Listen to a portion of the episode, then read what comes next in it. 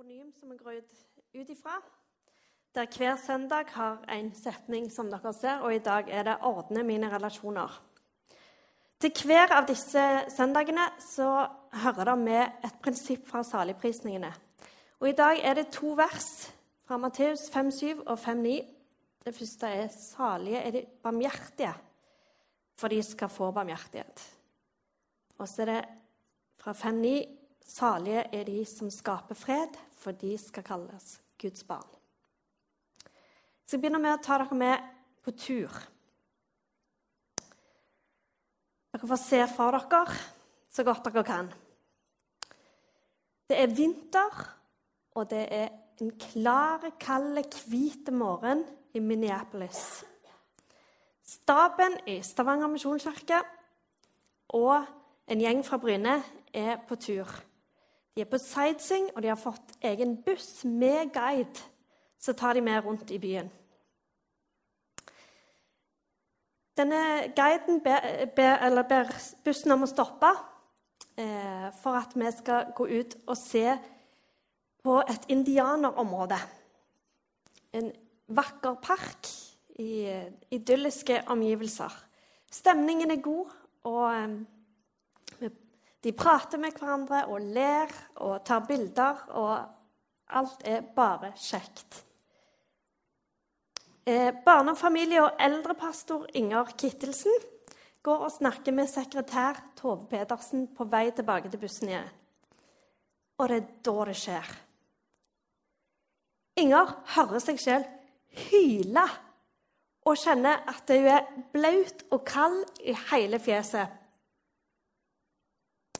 Og hun tenker Vi angrepet.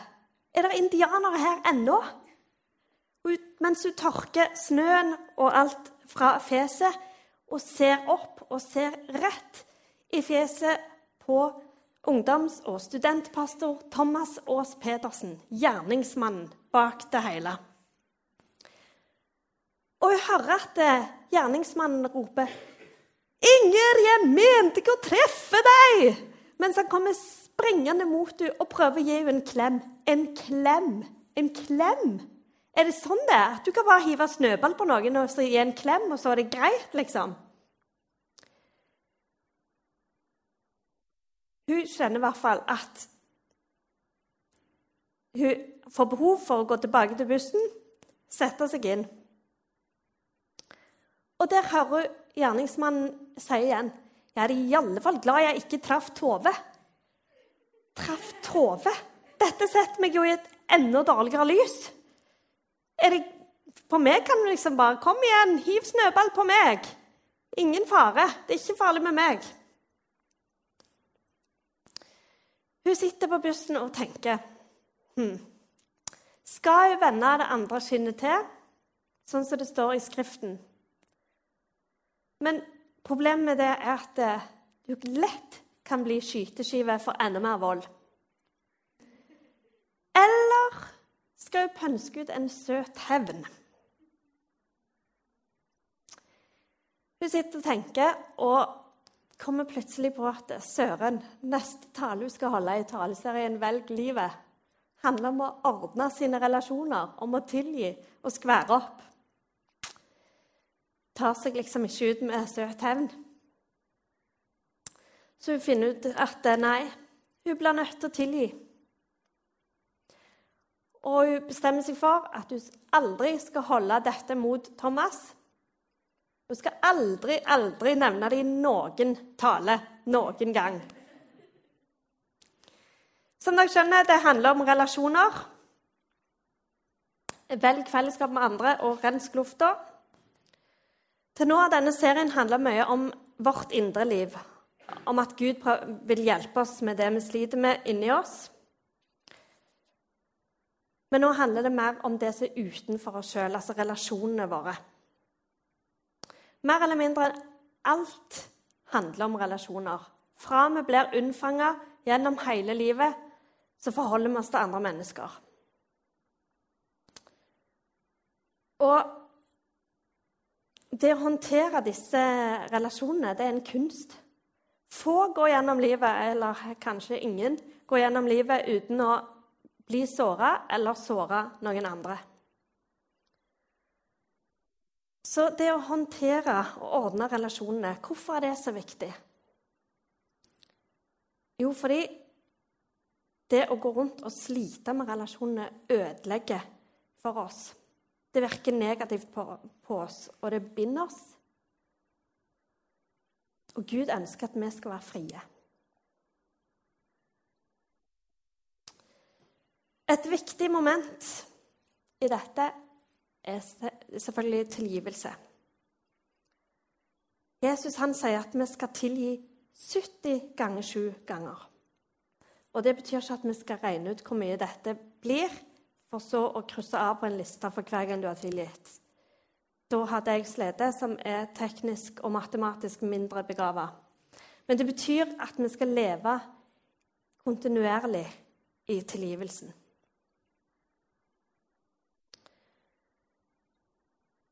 Men det er viktig for meg å presisere én ting når det gjelder dette med tilgivelse. Det, det, å tilgi, eller leve i tilgivelse, betyr ikke at du skal eh, leve under usunne eller eh, vonde forhold, eh, der du skal tilgi og bare la andre plage deg eller gjøre vonde ting med deg. Men det betyr at du skal tilgi for å bli fri fra disse usunne forholdene for at du skal bli satt frihet. Men òg gode relasjoner krever arbeid. Vi må jobbe med relasjonene våre. Det gjelder i kjæresteforhold, i familieforhold, i vennskapsforhold. Alt, alle relasjoner. Hvis de skal være gode og sunne, så krever de arbeid. Det krever at vi investerer. Først så skal vi se på dette med å tilgi andre. Så hvorfor skal vi tilgi andre? Det står i Kolossene 3,13.: Så dere bærer over med hverandre og tilgir hverandre hvis den ene har noe å bebreide den andre. Så punkt én hvorfor skal vi tilgi andre? Fordi Gud har tilgitt oss, og han ber oss om å tilgi andre i samme grad som han har tilgitt oss. Det ser vi òg når vi ber Fader vår. Forlat oss vår skyld, som vi òg forlater våre skyldnere. Det er i samme grad som det har en sammenheng.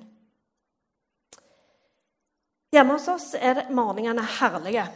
De bærer preg av at fem stykk skal stå opp, kle på seg, spise frokost, huske matpakke, huske gymtøy, for så å rekke barnehage, skole og jobb i tide. Og I disse settingene så kan det gå en smule varmt for mora som meg. Og hun kan lade det verbale våpenet sitt og fyre av. Og så går det en liten stund, og så angrer hun veldig. Og da er det interessant å se, for mannen min han, enten så har han lukt ørene, eller så er han utrolig raus med å tilgi. For han har som regel ingen problemer med å tilgi mine verbale utblåsninger. Og ungene mine Unger har ofte lett for å tilgi. De gjør det oppriktig, for så å springe og leke, og så er alt glemt. Så mannen min og ungene mine er rause med tilgivelse. Men hvordan er det med hun sjøl, med meg? Når jeg har gått og bygd opp skuffelse og sinne Fordi han burde jo skjønt at når han sier sånn eller gjør sånn, så blir jeg såra. Det burde han jo forstått. Og når han til og med har gjort det tre ganger denne uka, og det virker ikke som han har tenkt å gjøre noe med det engang Og jeg sa jo til mannen min i 1999 at kjærlighetsspråket mitt var tid for hverandre. Og nå er det tredje kvelden på rad at han bare skrur på TV-en uten å snakke med meg, uten å se på meg engang. Og så lurer han på hvorfor jeg er sur. Altså, hvor teit går det an å bli? Jeg Jeg prøver å ta meg sammen. Når han kommer mot meg og vil gi meg en klem og sier unnskyld Og sier klemmer jeg tilbake og tilgir og, og alt det der Nei, det gjør jeg ikke. Jeg holder igjen tilgivelsen alt jeg kan. Prøver å straffe han. Og så blåser jeg i gang runde to av kampen, som dreier seg om hvordan han kunne gjøre dette og si sånn når han visste at kjærlighetsspråket mitt var tid for hverandre, for det sa jeg nemlig i 1999 til han. Og jeg minner han på at det samme skjedde for to måneder siden. Da òg bare skrudde han på TV uten å snakke med meg. Og når en prøver, si, prøver mannen min å si at ja, men du hør, jeg ba jo om tilgivelse for det for to måneder siden. Og jeg svarer ja, og hvorfor gjør du det igjen, da? Sånn kan jeg være. Og kjære jenter Det er ikke sikkert at dere har erfaring eller opplevd det sånn som dette hvis ikke dere er i et forhold. Men tro meg, dette kan bli et case i framtida. Så jeg vil bare fortelle dere det at eh, det er noe som mange av oss kvinner ikke har fått helt med oss. Og det er det at eh, menn har ikke et innebygd dekodingssystem for våre tanker og våre følelser. De har bare ikke det. Derfor er det sånn, bare vær forberedt hvis det kommer en gang, at vi må forklare hvordan vi har det, på en saklig måte. Og når de ikke forstår våre forskrifter og regler, så må vi være villige til å tilgi, og så må vi la det som er vært tilgitt i fortida, ligge, og ikke trekke det fram igjen og fram igjen og fram igjen. Og hvorfor er dette så viktig? Jo, fordi punkt 1 Gud har tilgitt oss, og han ber oss om å tilgi i samme grad som han har tilgitt oss. Og to, fordi når vi går og bærer på ting lenge, så blir vi bitre. Og det skal vi gå inn på nå. For Hebreerne 12, 15 står det La ingen bitter rot få vokse opp og volde skade, som mange, mange blir smitta av den. Det er et utrolig sterkt vers. Og det står at bitterhet eh, smitter. Vi opplever alle eh, en følelse av bitterhet når vi går gjennom livet. Men hvis den får ligge der lenge og vokse fram over lang tid, så kan den ødelegge oss både psykisk, fysisk, åndelig og sjelelig. Og det med at han er smittsom Hvis jeg kommer inn i rom, et rom med min bitterhet, med min skuffelse, så er det ikke dermed sagt at den smitter over på alle andre. Men den kan trigge bitterheten i de andre, og sånn smitter den. Vi bør sky bitterhet. Og vi tror gjerne at vi straffer den som har gjort oss vondt, med å være bitre, være sure og være hissige. Men vi gjør ikke det. Det er ikke sikkert at personen vet om det engang. Så når jeg går og klager på Alexander, eh, mannen min, så er det meg som får det kjipt.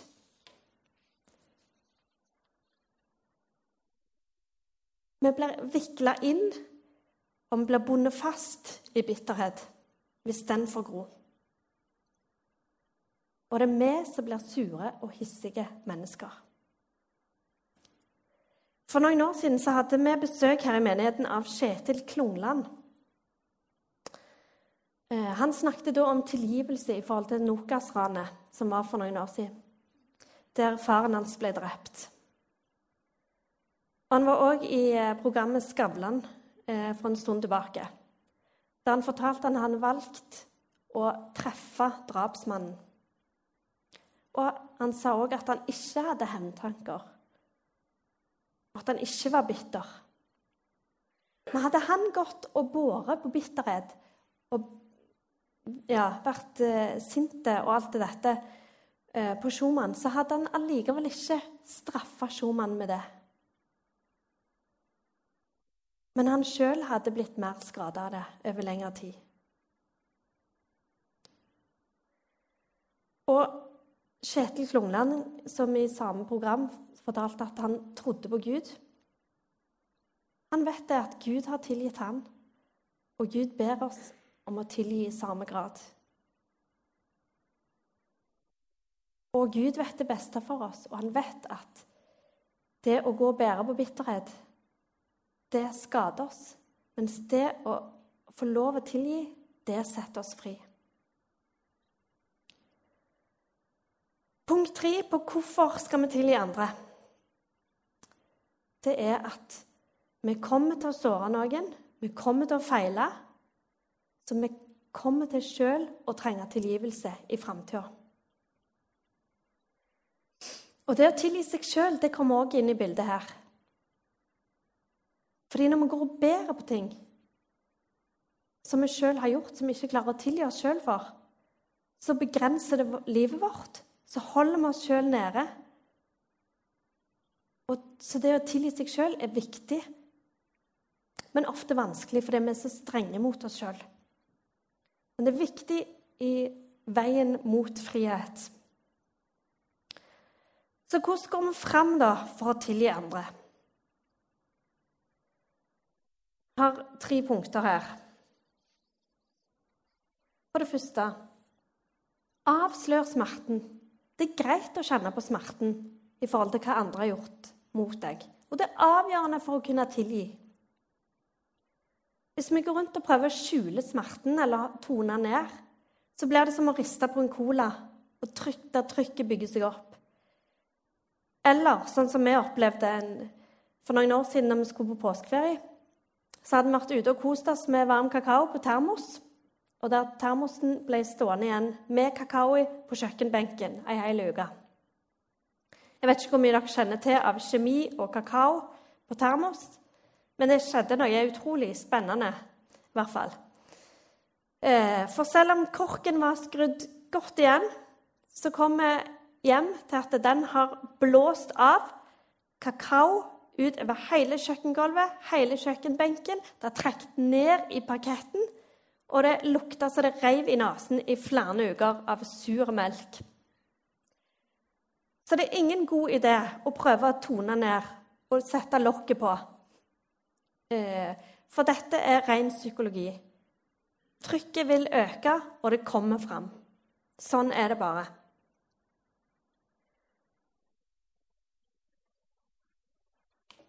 Punkt to sett den andre fri.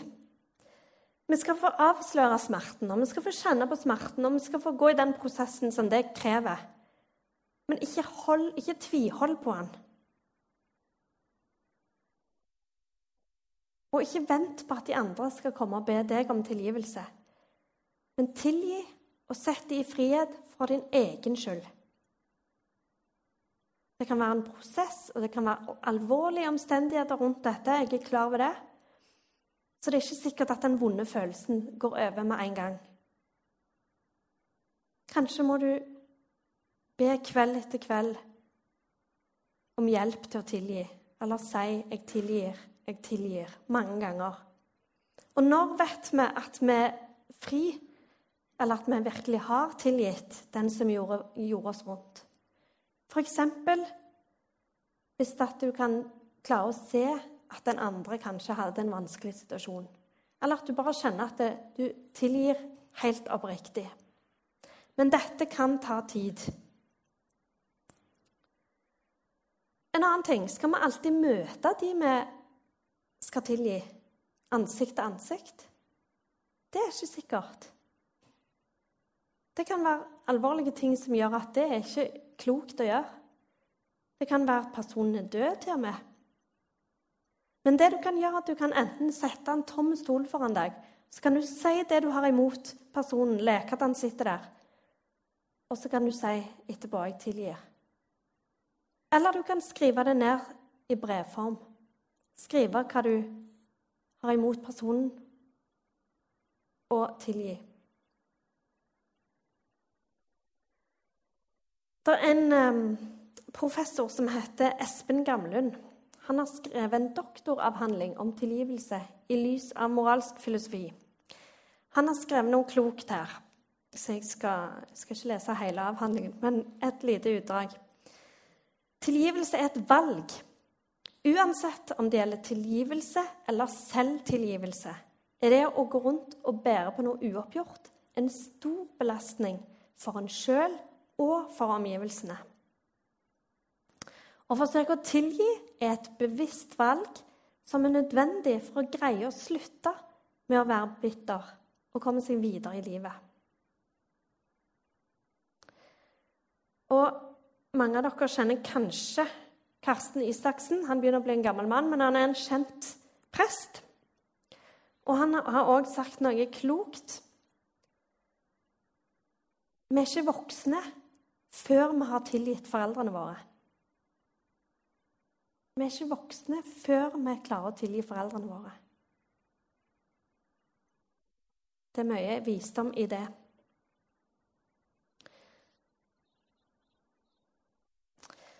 Tredje punktet her søk Guds fred.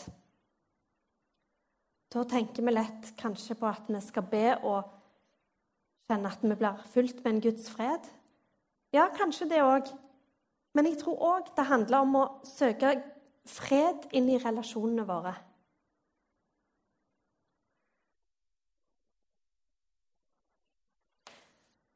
Vi tenker gjerne så lett at det er urettferdig at ikke den andre tok ansvar for det han hadde gjort. Men det står i Romerne 12, 17 og 18. Gjengjeld ikke ondt med ondt, men legg vind på å gjøre det som er rett for alle mennesker. Og hold fred med alle, om det er mulig, så langt det står til dere.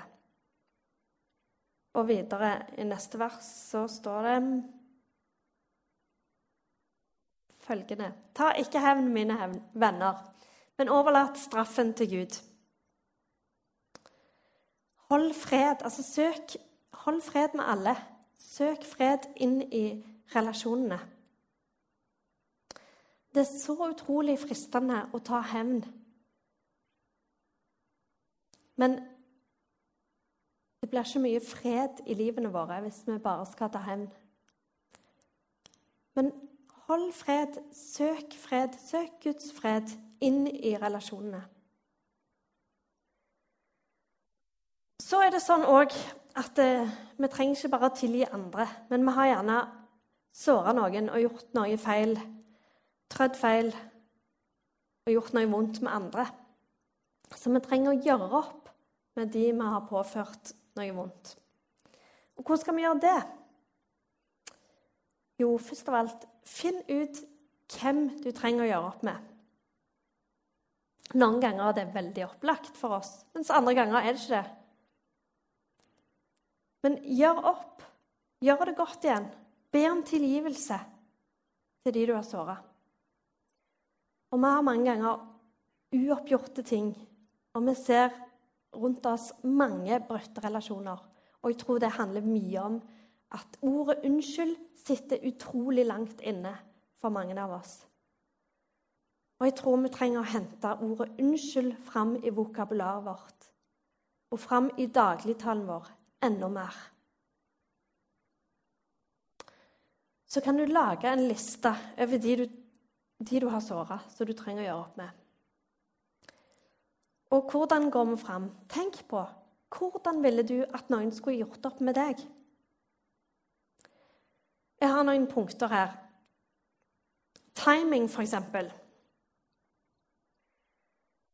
Hvis du er gift, så er ikke rett før leggetid en god timing. Ikke spare opp ting, sånn at vi slipper ei bombe på feil tidspunkt eller på feil sted ut i offentligheten.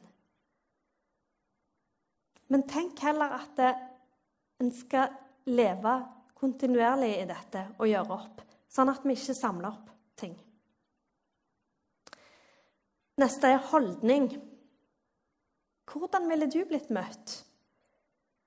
F.eks. dette som vi gjerne ofte kan gjøre hvis vi endelig har klart å dra fram ordet 'unnskyld', så sier vi ofte 'unnskyld, men' Så har vi en bortforklaring på det hele.